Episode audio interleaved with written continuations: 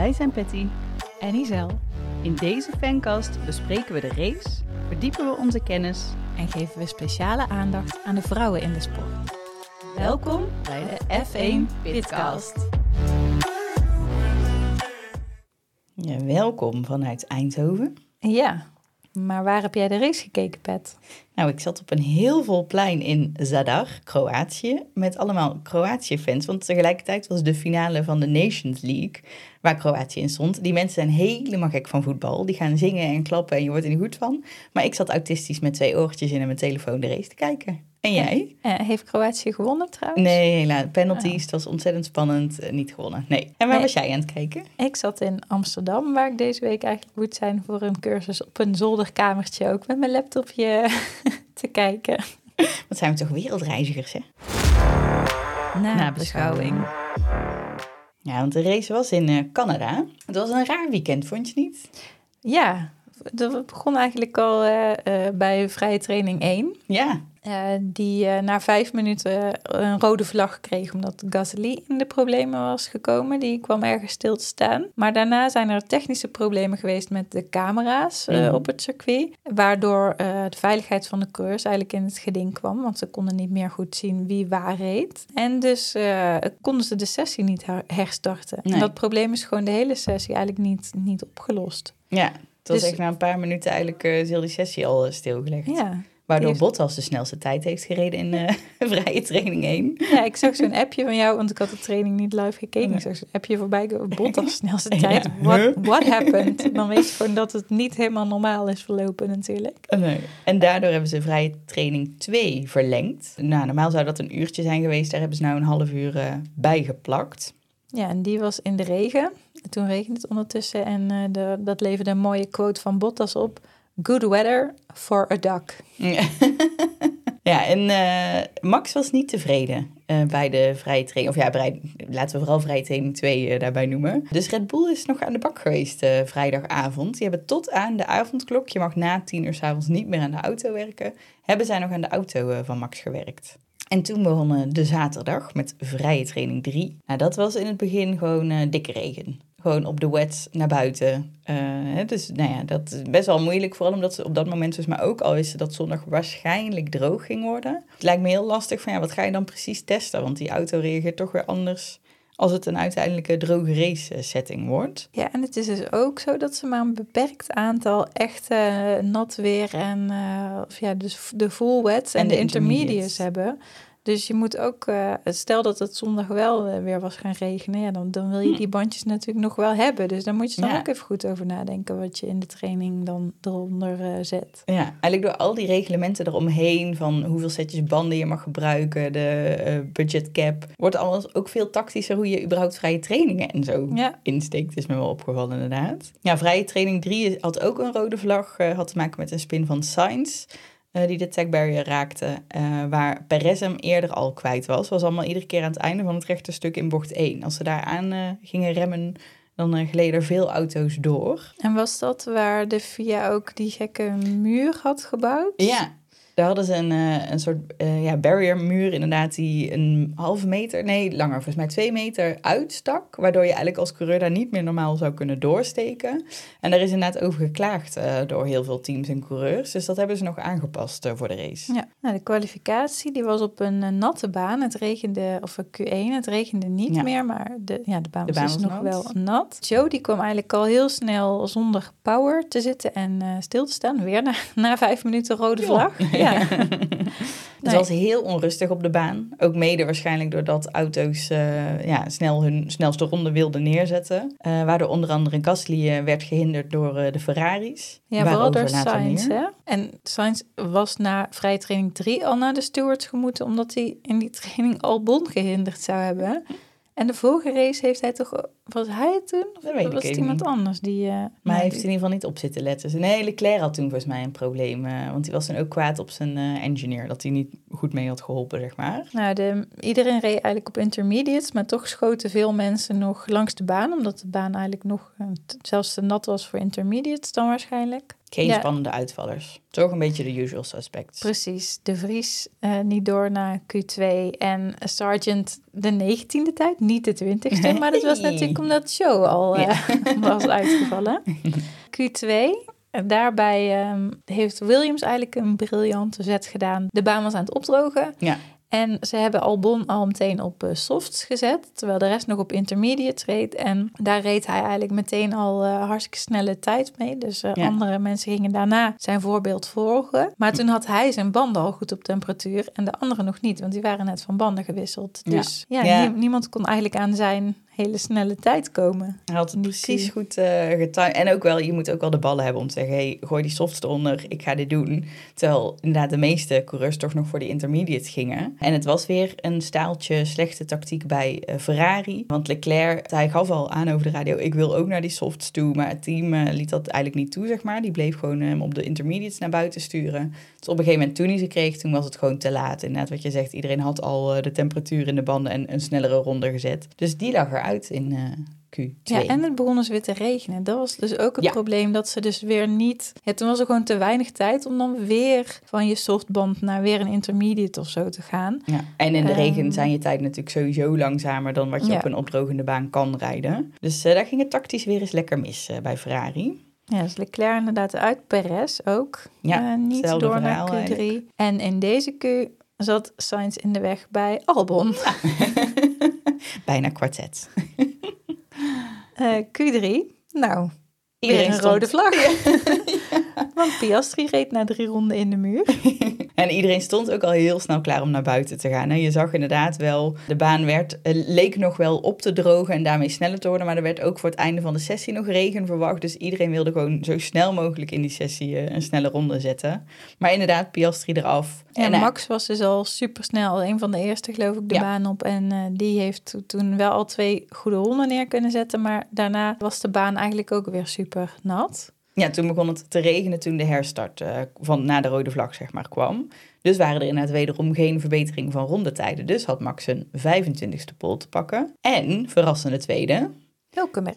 ja, super vet. Het was zijn beste kwalificatie sinds Brazilië 2010. Hij is natuurlijk ook even uit geweest, dat moeten we ook wel eh daarbij vermelden. Maar toch leuk voor hem. En Alonso derde, vond ik ook leuk. Had je de interviews na de... dat vind ik al bijna niet meer verrassend Nee, of zo. het is Dan niet meer ja, verrassend. tuurlijk, Alonso derde. Of course. Had je de interviews gezien eh, na de kwalificatie? Nee, volgens mij Het niet. was heel grappig. Sowieso, film op. Ze stonden echt onder enorme paraplu's. Echt, zeg maar, heb je een parasol gepakt of zo? Want dat waren echt huge ass dingen. En eh, het was dus dan natuurlijk met Max eh, en Hulkenberg en Alonso. En Alonso had zich al omgekleed. Oh ja, nee, dat heb ik wel gezien inderdaad. ze ja. overal al niet meer aan. Stond er lekker in zijn regenjas.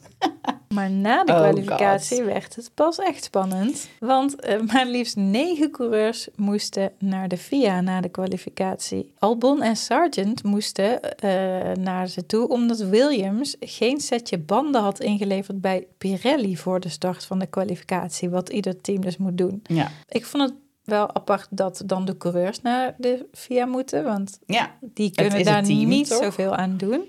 Zij hebben uiteindelijk ook geen straf gekregen, maar het team wel. Die eh, kreeg een boete van 10.000 euro. Nou, Gasly en Sainz moesten samen, omdat Sainz dus eh, in Q1 Gasly gehinderd had, waardoor Gasly ook Q2 niet haalde. En daar kreeg Sainz een straf voor van drie eh, plekken. Plekken. Hij moest drie plekken naar achter op de startgrid.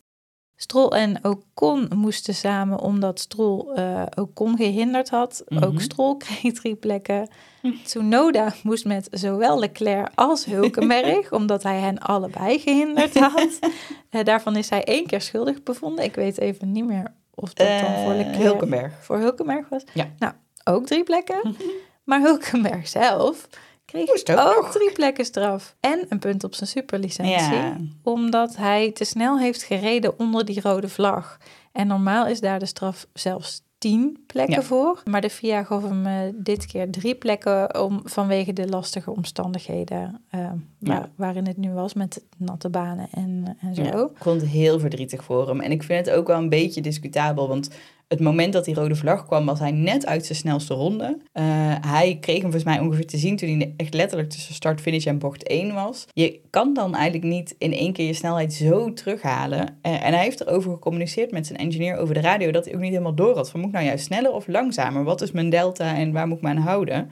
Dus ik denk dan dat is toch ook een soort bewijs dat hij niet bewust een rode vlag negeert. Ja. Uh, dus ja, ik vond het eigenlijk een beetje sneu. Zeker omdat hij het zo goed had gedaan. Dat was wel echt leuk geweest inderdaad als hij van de tweede plek had kunnen starten. Nou, toen kwam dus de race. En ik denk heel eerlijk, Isel, dat ik hem spannender vond dan hij eigenlijk was. Omdat ik dus zeg maar tegelijkertijd...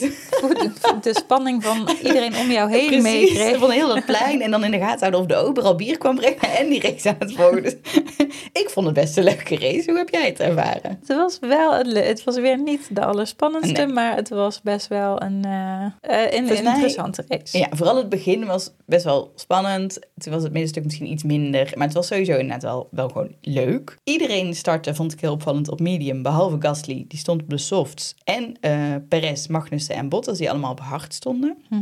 En nou ja, bij de start was eigenlijk Hamilton meteen al voorbij aan Alonso. Dus hè, even door al die gridstraffen was natuurlijk de grid anders. Dus Max stond eerste. Daarna stond dan al Alonso en derde Hamilton op de grid. Eh, maar Hamilton was dus Alonso meteen in de eerste bocht al eigenlijk eh, voorbij. En we hadden een snelle uitvaller. En een Eh. hele rare.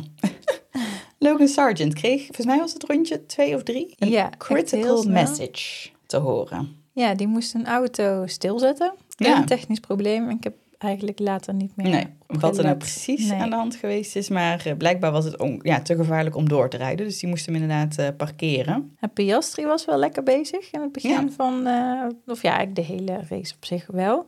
Die haalde al heel snel zijn teamgenoot Norris in. Even Ja. later ook Hulkenberg. En een tijdje later kwam er een opvallende boordradio van Max. I think I hit a bird.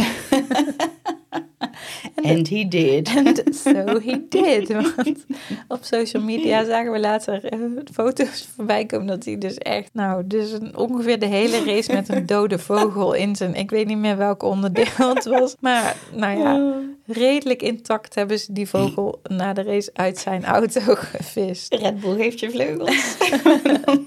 ja, en ronde 12. Toen eh, gooide Russell hem lekker al meteen de muur in, de Wall of Champions. Waardoor er een safety car kwam.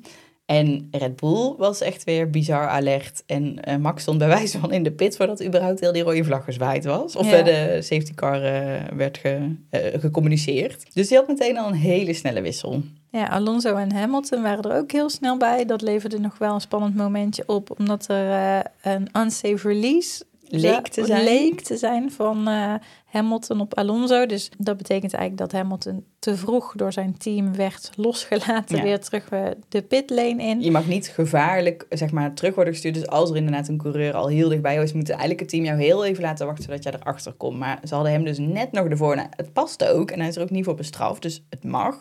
Maar op, het zag er op tv best wel spannend uit, inderdaad. En je ziet ook op de onboardcamera zie je Alonso echt zo aan zijn stuur zo corrigeren. Mm. Maar ik zag ook een beeld van Toto Wolff, dus de teambaas Mhm. van Mercedes, die, die dat een beetje zo grappig nadeed van ja, ja, oh, oh, ik moet zo corrigeren. weet je, omdat die coureurs natuurlijk ook wel weten, als ik een beetje overdrijf, Ja. krijgt die ander misschien wel een straf aan zijn broek. Ja. Waar ik ook echt verbaasd over was, dat Russell nog de pitlane heeft gehaald met die auto. Mm, ja. Ja, Er vloog echt van alles af. klopt. Ja, er was heel veel schade. Heel zijn vleugel lag er helemaal, zijn voorvleugel lag er helemaal af. Maar er was inderdaad meer schade ook aan de achterkant. Ik weet niet, ik vond het ook wel gek of zo dat dat mocht. Dat hij met Hmm. zo'n auto door mocht rijden. Ja. ja, want één band lag er helemaal af. Dat zie je wel vaker, dat coureurs dan inderdaad op drie banden nog terug moeten rijden. Maar dat is zo ingewikkeld, lijkt me inderdaad. Van ja, je bent gewoon een soort balanceeract eigenlijk aan het doen eh, met die auto. Ja, en je weet niet precies wat er allemaal nog los zit en er nog af gaat Nee. vallen of zo als je door blijft rijden. Maar Ja. nou ja, ze hebben de auto wel echt weer aan de praat gekregen. Dat is wel super knap natuurlijk. Ja, en de Ferraris eh, zijn als een van de weinigen niet naar binnen gegaan tijdens deze safety car. Ja, Sainz gaf op een gegeven moment aan dat hij meer snelheid had hè, dan eh, Leclerc. Ja, een beetje, het was een beetje een verkapte boodschap van... hé, hey, laat mij er voorbij. Ja, Hebben ze niet gedaan. En Leclerc kreeg zelfs later de, de boodschap van zijn engineer... Sainz gaat jou niet aanvallen. Ja. En die boodschap heb ik twee keer voorbij zien voorkomen Ja. in, eh, in de race. Ja, Ik vind het allemaal wel vervelend voor Sainz of zo. Ja. Dat het daaraan toe gaat in dat team. Ja, nou en het is ook, ze zijn wat dat betreft denk ik op zich best wel aan elkaar gewaagd, Leclerc en Sainz. Van de ene keer is de ene beter en de andere keer de ander. Maar daardoor is er inderdaad, ja, Leclerc is wel echt het prinsje in het team, zeg maar. Maar verder is er eigenlijk op kwaliteit niet per se een uitgesproken eerste rijder. Dus dat maakt hem misschien soms wel extra wrang. Van ja, het is niet dat Sainz slechter presteert eigenlijk dan Nee. Leclerc. En Norris die kwam op een gegeven moment under investigation for driving unnecessarily slowly. Tijdens de safety car. Ja, en dat was dus, als ik het goed heb begrepen, om een gat te creëren zodat ze een eh, double stack eh, konden doen. Mhm. Dus eh, zo beide auto's de pitstraat in laten komen en dan echt meteen na elkaar een pitstop laten maken. Dat hebben voorheen ook anderen wel gedaan Mhm. in die situatie. En hij heeft daar ook een straf voor gekregen van vijf seconden. En die straf was dan echt voor onsportief gedrag. Die was nog nooit gegeven, die straf. Nee. Bijzonder. En inderdaad, je kan je wel een beetje afvragen van ik, ja, iedereen rijdt zo langzaam als ik reed. Eh, dus dat het in die zin een beetje oneerlijk was dat hij daar een straf voor kreeg. Dus ja, ik vond het een heel, het was een heel vreemd moment, inderdaad, een vreemde straf. Nou, wat ik opvallend vond, op een gegeven moment was er een DRS-trein. Ja. Van plaats 10 tot en met plaats 19. En dat wil dus zeggen dat al die auto's op die plaatsen allemaal binnen een minuut van elkaar zaten. Dus iedereen heeft dan eigenlijk DRS, waardoor je ook een soort vast komt te zitten. Want als iedereen DRS heeft, ja, dan is Kan je niemand, iedereen heeft dan het voordeel van die snelheid, want iedereen mag die, die achtervleugel openklappen. Ja. Albon heeft dat wel schitterend gedaan. Die had inderdaad een hele lange tijd vier coureurs achter zich aan. Eh, die heeft zo goed weten te verdedigen dat hij uiteindelijk zevende. Zevende. zevende ja, ja, ja. Super Ja, die was echt de, hoe prestatie. noem je het? de machinist van de, van de DRS Ja, van de trein. op een gegeven moment. Het eh, oude getrouwde stel eh, Verstappen en eh Giampiero waren ook weer lekker aan het kibbelen. Want Max was een aantal keer aan het klagen over grip. En op een gegeven moment zei Giampiero... ja, dat hebben we nou wel begrepen. Head down, niet meer zeiken, gewoon doorrijden.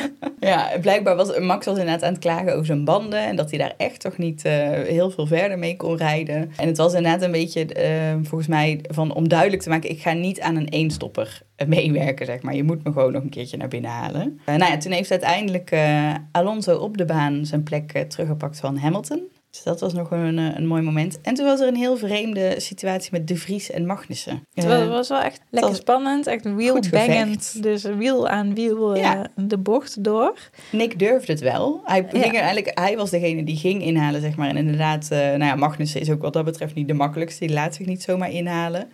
Maar nou ja, De Vries moest ook wel echt zijn plekje als het ware een beetje verdedigen. Nou, Russell was de lachende derde, want die kon er in één keer bij beide langs. En daarna hebben ze elkaar nog een keertje in de bocht eh, getroffen. En toen hebben, zijn ze er ook samen van afgeschoten. Dus Ja. eh, toen was het wel iets over het randje. Ja, het is wel nog goed afgelopen. Ze konden eigenlijk allebei verder. Ja, en we hebben het in de voorbeschouwing vorige aflevering al even gehad over die Wall of Champions, waar eh, Russell dus deze keer ook slachtoffer van is geworden. En op een gegeven moment was er in beeld, lieten ze een soort statistiekje zien van hoe dicht de coureurs erop reden.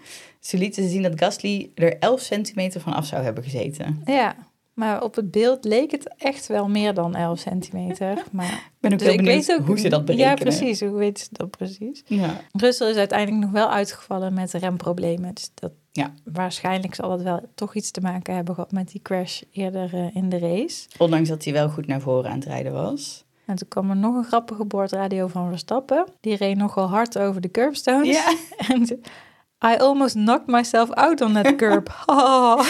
Ja, het- hij ging echt letterlijk. Max had de eerste bocht al niet zo heel goed genomen. Het was in een eh, chicane. En hij stuitte er echt letterlijk in met die auto zo midden van de auto over die eh, curbs en die chicane heen. Eh, dus ja, ik kan me wel voorstellen dat hij daar wel weer eventjes van wakker is geschrokken. Ja, wat ik ook nog wel een mooie radio vond. het was aan het einde best wel spannend of Alonso Hamilton nog achter zich kon houden. Hij had een, eh, Alonso had een, een soort probleem aan de auto. Of ze wisten in ieder geval niet zeker of er iets eh, verkeerd was. Dus hij moest lift en coasten. Dus dat je wat rustiger rijdt eigenlijk. Hè? Dat je niet het uiterste van je motor vraagt en niet van je remmen. En toen zeiden ze op een gegeven moment in het bericht van eh, Hamilton is eh 1,9 seconden achter je. En toen zei Alonso alleen maar, leave it to me. Goeie James Bond-achtige uitspraak. Nou, op een gegeven moment kwam er nog een melding van eh, Norris dat de achtervleugel van Ocon heel erg los leek te zitten. Je zag Hmm. het zelfs zeg maar vanuit de helikopterbeelden. Wow. Zag je hem gewoon echt heen en weer wiebelen. Maar dat was blijkbaar de bedoeling. Dat hoor Mag ja, dat? Misschien is het een update of ik weet niet. Maar, de- maar het is nu wel dat McLaren daar nog even een verhaal over is halen. Van eh, Hm. ja, of dat wel helemaal klopt. Ja, dan mag dit wel. Ja. Kan ik me voorstellen. nou, het eh, leidde allemaal tot de 41ste overwinning van Max. Waarmee staat hij op gelijke hoogte met Ayrton Senna. Dus dat is al heel knap. Het was de honderdste voor Red Bull. En de 200ste voor Adrian Newey. Ja. En die mocht dus ook mee naar het podium. En als we dan toch in het rijtje statistieken bezig zijn. Het was 50 jaar geleden dat de safety car was geïntroduceerd. En die is ook geïntroduceerd tijdens de Grand Prix van Canada. Nou, ronder kan het niet. Rond. ja, Albon is uiteindelijk zevende. En eh, hij had 58 ronden gereden op die harde band. Ja, dus dat was ook wel weer echt... eh, hij is ook echt een bandenfluisteraar. Ja. Hamilton had de snelste ronde te pakken. Die is uiteindelijk derde geworden. Dus we hadden weer eens een podium met de drie eh, wereldkampioenen die nog meerijden.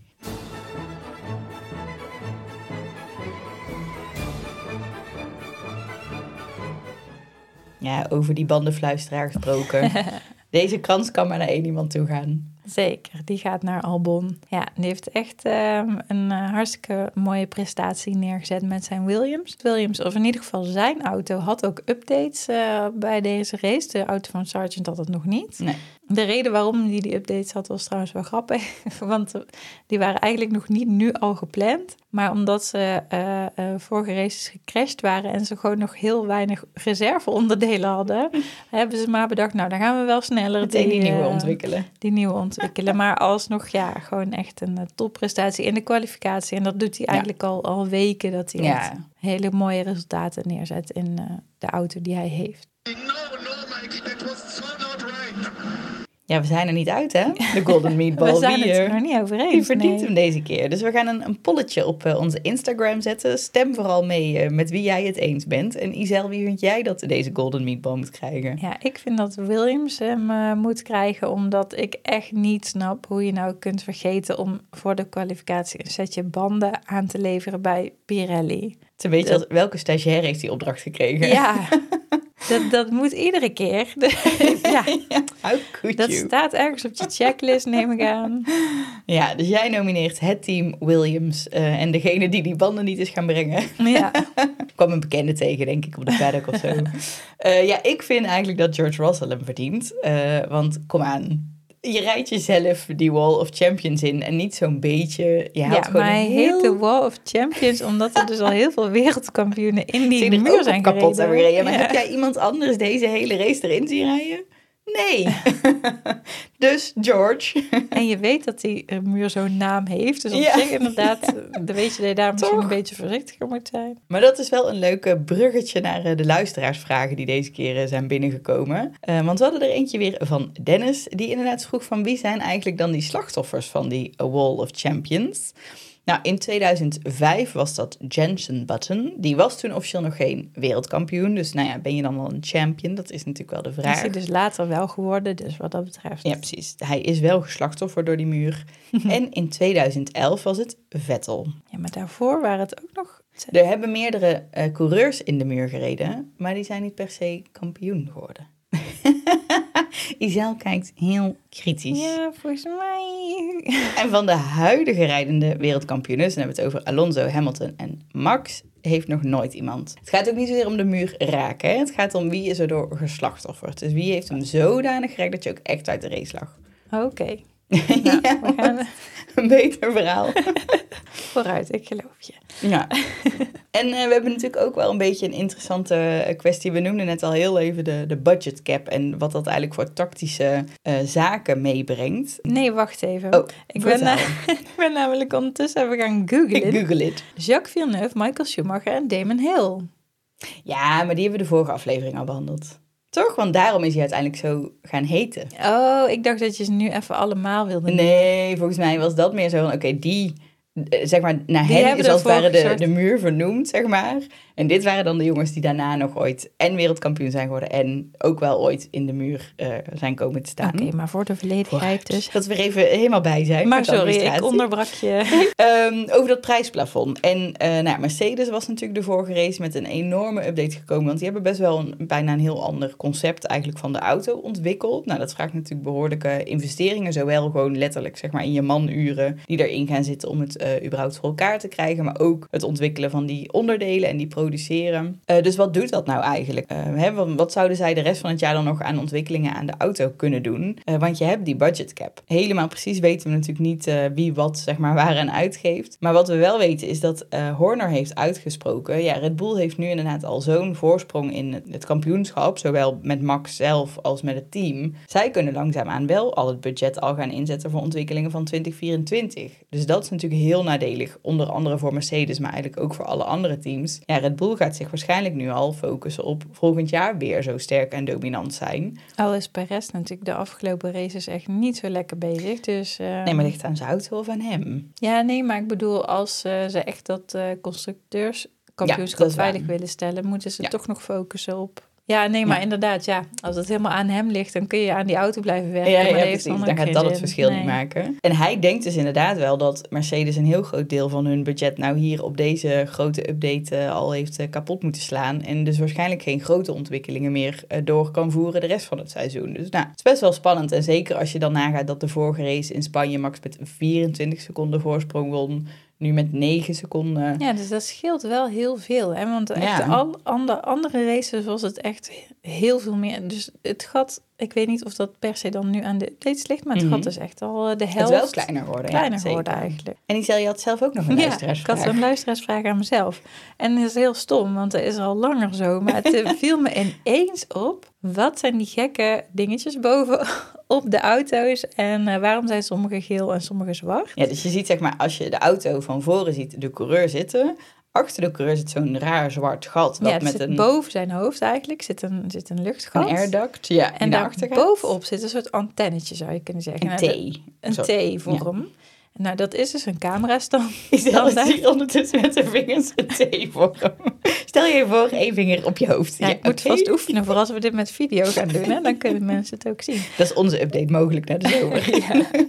Maar de, nou ja, dat is dus een camera-standaard of een camera zelf eigenlijk. Mhm. En ehm, Sommige zijn geel, sommige zijn zwart. ja, en dat is dus per team. Het, de ene rijder in het team heeft een zwarte en de andere een gele. En meestal is het de tweede rijder die de gele camera heeft. Dus Sainz bij Ferrari heeft de gele camera. Maakt veel duidelijk. En nog eh, heel eventjes, ja, vind je het nou leuk om eh, naar ons te luisteren? We vinden het altijd leuk als je onze podcast eh, verder deelt. En heb jij ook zo'n luisteraarsvraag? Die mag je stellen via de mail of de Instagram. Eh, we zetten beide in de show notes. F1 Media. Social. Mm, Social media. of andere kanalen waarop we F1 Restjes. nieuws de hebben. restjes. Ja. Nou, vertel. Ehm, ja, de helm van ehm, Leclerc. Leclerc. Het was een dingetje. Hij had een ode aan eh, eh, Gilles Villeneuve, de coureur die we bij de voorbeschouwing eh, vorige aflevering hebben besproken. Dat had hij niet afgestemd met de familie. Eh, dus die waren er heel erg door verrast. En die hebben uiteindelijk, eh, of ja, er is een beetje een soort conflict dus achter de schermen geweest. Die hebben aangegeven, hallo, wij zijn hier helemaal niet in gehoord. Wij willen niet dat je hiermee gaat rijden. Nou, uiteindelijk is het eh, uitgesproken. De zus van eh, Jacques Villeneuve, die beheert eh, het merk eigenlijk van hun vader nog. Eh, zij heeft uiteindelijk toestemming gegeven, dus hij heeft er in de race mee gereden. Maar de rest van het weekend mocht hij hem helaas eh, niet gebruiken. En eh, wel leuk, want Gilles Villeneuve die heeft zelf ook zes seizoenen voor Ferrari gereden. Dus dat vind ik wel een mooie... Dat was volgens mij inderdaad ook de reden dat, dat Leclerc dit, eh, Ja. dit deed. Nou, waren een paar weken geleden natuurlijk ging de, de Grand Prix in Imola niet door vanwege de overstromingen. Daar zijn heel veel donaties voor gedaan vanuit de F1-wereld ook.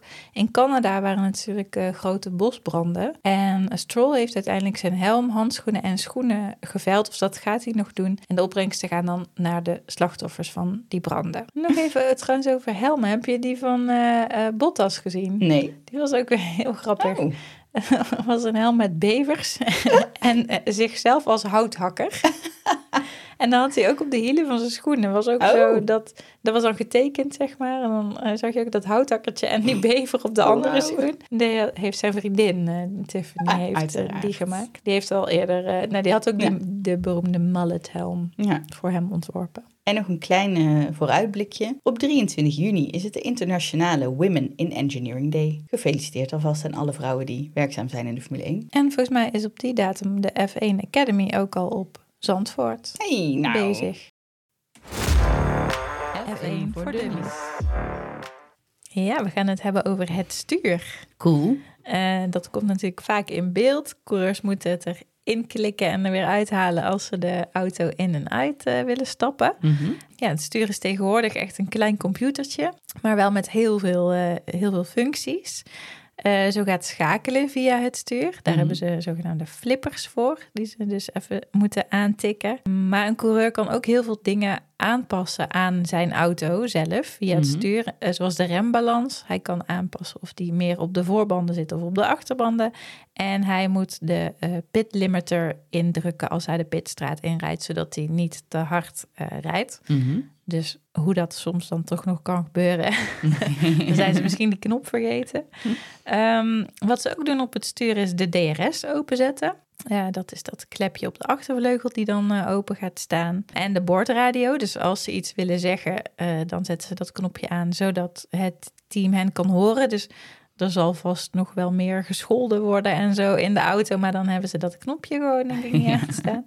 Slim. Ehm, er zit ook een knopje op het stuur dat heet Pit Confirm. Eh, dus daarmee als de eh, rijder de oproep box box heeft gekregen om een pitstop te maken, dan kan die via dat knopje laten weten: oké, ik heb het gehoord en ik kom ook daadwerkelijk naar binnen deze ronde. Het drinken van de coureur wordt ook aangestuurd via een knopje. Eh, ze hebben een, eh, een soort drinkfles waar er een slangetje in hun helm eh, Mhm. gaat. Maar als ze daar dus drink uit willen hebben, dan eh, moeten ze dat knopje indrukken. Soms is dat kapot, waardoor eh, ze de hele race zonder drinken zitten. Ja. Kimi eh, heeft, daar nog, eh, heeft dat nog meegemaakt. Er is een heel grappig filmpje van op YouTube. Perez ook wel eens. En er was, was een hele hete... Ja. Of, of Max was dat? Ik weet niet meer wie het was. Maar echt een hele hete race. En dat er gewoon geen drinken uit die, uit die slang kwam. Ja, is gewoon super zwaar. Ja. Want ja, je zweet gewoon enorm in zo'n auto. Zeker als het inderdaad een hete race is. Ik kan me ook nog herinneren, ik weet even of het nou Mexico was. Nog een andere race. Maar dat hij inderdaad helemaal oververhit die auto uitkwam. Op het, op het stuur zit ook een, een knopje de race start. En die stelt de auto dus in voor een optimale start. Mhm. Omdat je instelling dan net iets anders moet zijn eh, voor wanneer je gewoon rijdt. Het stuur heeft ook een klein LCD-schermpje. En daar staat info op over eh, de rondetijden en de versnelling waarin iemand rijdt. En via het stuur kan de raceleiding ook communiceren met de rijders. Door eh, lampjes te laten branden die dezelfde kleur hebben als de vlaggen die naast de baan worden getoond. En als er Mhm. dus virtual safety car of safety car, dan zien ze dat ook op dat eh, schermpje. Dan krijg je ineens misschien blauwe lampjes als je een blauwe vlag krijgt. Of eh, rood misschien als die gestopt wordt. Ja. Ehm, tegenwoordig heeft een Formule 1 auto stuurbekrachtiging. Dat is niet altijd zo geweest. Maar omdat dat nu wel zo is, kan het stuur heel licht en klein zijn. Hm. Ondanks dat het zo licht en klein is, kost het toch nog tussen de 50.000 en 60.000 euro. Er is één zo'n, en dat is eh, vrij lang geleden, toen Jacques Villeneuve uitviel en heel kwaad was op zijn team en zijn auto, heeft hij dat stuur zo de greppel ingesmeten. Toen is er iemand van het team later hem toch nog maar terug gaan zoeken. Want Oh, ik hoop dat hij daar wel dan zelf heeft moeten terugbetalen. ja, daar heeft hij wel een boete voor gekregen. En wat ik ook wel interessant vond, er zit ook een markeerknop op het stuur. Dus als er een belangrijk moment is of zo, ehm, dan eh, kunnen ze dat dus eventjes markeren, van dat ze daar makkelijk terug kunnen vinden als ze naar de data kijken na afloop van de race. Slim. Je moet toch bijna een training van een maand hebben om überhaupt dat stuur te snappen als coureur. Ja, ik vind het al lastig als ik de radio aan moet zetten tijdens het rijden. Dat doe ik al liever niet. Ik hou liever mijn ogen gewoon op de weg. Moet je Maar- nagaan Ja, hoeveel je daar dan... eh, en ook inderdaad ook best wel cruciale dingen. Ik bedoel, ja, sowieso natuurlijk schakelen. ja volgens mij hadden sommige dingen ook nog een soort dubbele functie of zo. Oh jee, dat, eh, net zoals wat je zegt wel eens met Chinese woorden, dat als je het net anders uitspreekt, dat het dan net iets anders doet. Dat als je je flipper naar boven doet, dat het dan net iets anders doet dan naar beneden. Nou, en dan hebben we het nog niet eens over de magic button gehad trouwens. Oeh, wat Die, doet de eh, magic button? Ja, dat, wat doet hij ook weer precies? Daar had Hamilton toen last van. Bij de herstart in welke Baku. ja. eh, toen Max net die klapband had gehad. Ja, in 2021. Ja, toen, weet je, bij die herstart, toen schoot Hamilton toch rechtdoor. Klopt. En dat was, Wat bleek ging later... er mis? Eh, ik heb, we hebben hier heel even het leuke grote boek van Olaf Mol erbij. En daar staat een klein gesprekje tussen eh, Peter, eh, Peter Bonnington, ook wel bekend als Bono over de radio eh, bij De, ehm, race engineer van Hamilton. En toen zei Lewis, had ik The Magic aanstaan? Dus op het moment nadat hij al remmend eh, doorschoot daar. Pieter antwoordt ja, je hebt het aangezet. En dan zegt Hamilton weer, ik zou zweren dat ik het uit heb gezet. Maar dan zegt Pieter, ja, dat heb je gedaan. Maar aangezet met het opschakelen. Maar wat doet het nou precies? Eh, De magic button is een knop die achter op het stuur zit, waarmee de remkracht van een auto bijna helemaal naar de voorwielen wordt gestuurd. Dus wanneer zou je dat dan handig vinden? zou je dat willen? Eh, oh ja, als je dan heel hard moet aanremmen voor een haarspeldbocht. Bakko heeft natuurlijk ook aan het einde van dat eerste rechte stuk, want het was bij de herstart inderdaad, komt er een heel snel krap bochtje. Of misschien ook voor de pit entry of zo. Dat je hem dan ook even aanzet. Ja, precies, omdat ze dan ook heel vaak nog zo vol in de, Ja. de, in de rem En dan gaan, maakt het ook niet uit dat je banden eraan gaan natuurlijk. Ja, dus eigenlijk doet de magic button in zo'n na een snel stuk een hele krappe bocht dat je dan eh, remmend kan insturen zonder dat je voorwielen daarbij blokkeren. En ik snap wel dat Hamilton dan dacht, heb ik dat wel goed gedaan, want ik reed alsnog vooruit met blokkerende voorwielen. nou, wat een, een, een magic world die dat stuur. De eretreden.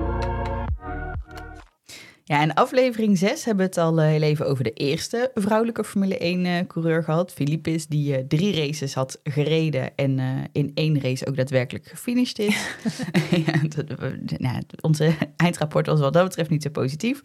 Maar eh, waar we ook niet zo heel positief over zijn, maar wat wel heel erg leuk is om even bij stil te staan, is dat alweer de laatste vrouw die inmiddels in de Formule 1 echt een race heeft gereden. Want hè, daar hadden we het de vorige keer ook over. eh, sommige vrouwen komen wel zover met eh, testen of iets dergelijks, maar echt in een race mee eh, gereden. Dat is in eh, 1976 geweest. En dat was Maria Grazia Lombardi en haar bijnaam was ook wel Lella. Nou, zij was dus de tweede vrouw, toevallig ook Italiaans, net als Philippus die de eerste was. Ze heeft meegereden in 12 races in de periode 74 eh, tot dus 76. En zij is de enige vrouw die het gelukt is tot nu toe, eh, dus een van de twee, en de enige die eh, punten heeft gescoord. Het is wel maar een half punt. het was namelijk de Grand Prix van eh, Spanje, waar zij een zesde plek heeft gehaald. Maar de Grand Prix is eerder stilgelegd en is dus maar voor drie eh, vierde uitgereden en daarmee eh, geen volle punten uitgedeeld. Het was ook geen hele prettige race, want tijdens de, de reden eigenlijk dat hij werd stilgelegd was een crash door de Duitse coureur Stommelen, bij wie een achtervleugel was afgebroken. En zijn auto is zodanig het publiek ingegaan dat daarbij ook vijf toeschouwers zijn overleden. Ze had, is wel leuk, eh, haar familie had een, slagerij eh, in Italië waar zij is eh, opgegroeid. Dat is in Piemont, eh, Frugarolo. Frugarolo. Daar hadden zij een slagerij en die slagerij had een bestelbus. En daar mocht zij in rijden. En dat is eigenlijk wat een beetje haar interesse in het rijden heeft getriggerd. Ze is toen gaan karten en daar was ze best wel succesvol in. Zo heeft ze ook in 1986 een succesvol seizoen in de F3 gereden, waar ze zelfs tweede is geworden. Nou, daarna is ze heel lang, eh, heeft ze slechte resultaten gereden in veel races en klaagde ze heel erg over onderstuur dat plots omsloeg in overstuur. En wat bleek nou, heel lang hebben eh, de monteurs waarschijnlijk een beetje gereageerd met ja, je kan gewoon niet goed genoeg rijden. Maar toen hebben ze toch maar eens een keer die auto opengeschroefd, het hele chassis. En toen kwamen ze erachter dat eh, ze al eh, races lang een scheur had in een onderdeel van haar auto, wat ze de, de bulkhead noemen. En dat scheidt eigenlijk de, de compartiment waar de motor in zit van de rest van de auto.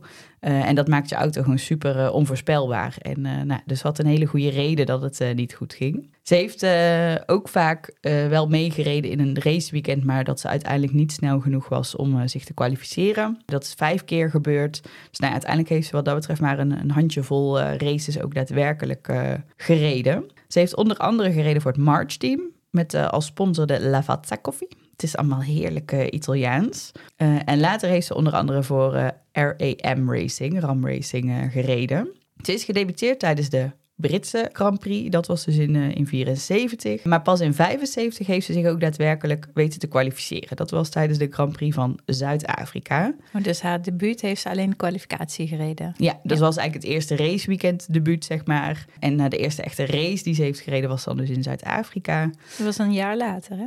Ja, ja, dat heeft best wel lang. Ja, ik weet niet exact de maanden, zeg maar. Dus misschien dat het al bij al dan iets meer dan een half jaar is geweest. Maar eh, het heeft best even geduurd, inderdaad. Het was al een seizoen eh, verder. Ze heeft onder andere ook nog een race voor Frank Williams eh, gereden. Dus wat dat betreft niet bij de, de minste teams gereden. En ze is in 1977, toen was ze dus al gestopt met de Formule 1, is ze wel nog elfde geworden in de 24 uur van Le Mans. En in 1979 heeft ze Anna Six Hours eh, gewonnen. En eh, dat was de eerste keer dat zij dus een wedstrijd won als vrouw die door de FIA georganiseerd is. Dus ze heeft wel in die andere klassen toen eh, ook wel gewonnen, maar dat was nog niet onder de vlag van de, de FIA. uiteindelijk is ze in 1988 helemaal gestopt eh, met het autoracen. Maar ze kon het toch niet helemaal eh, loslaten. Want al een jaar later, in 89, heeft ze wel haar eigen team eh, opgericht. En wat ook wel cool is, nou ja, dus sowieso dan de tweede vrouwelijke coureur in de Formule 1. De eerste die ook daadwerkelijk punten heeft gehaald. Eh, maar ze, was ook, ze is ook uit de kast gekomen. Eh, dus ze had een, eh, een eh, relatie met een vrouw. En helaas is ze al vrij vroeg overleden. Ze was maar 50 jaar, 1992. eh, en toen is ze gestorven aan, aan borstkanker. In haar geboorteplaats staat een standbeeld. Dus nou ja, ik stel voor dat de volgende keer dat we richting Italië gaan... moeten we eigenlijk toch even een keer een selfie met dat standbeeld gaan maken. En er is wel het seizoen na haar wel een nieuwe vrouwelijke coureur gestart, Divina Galicia.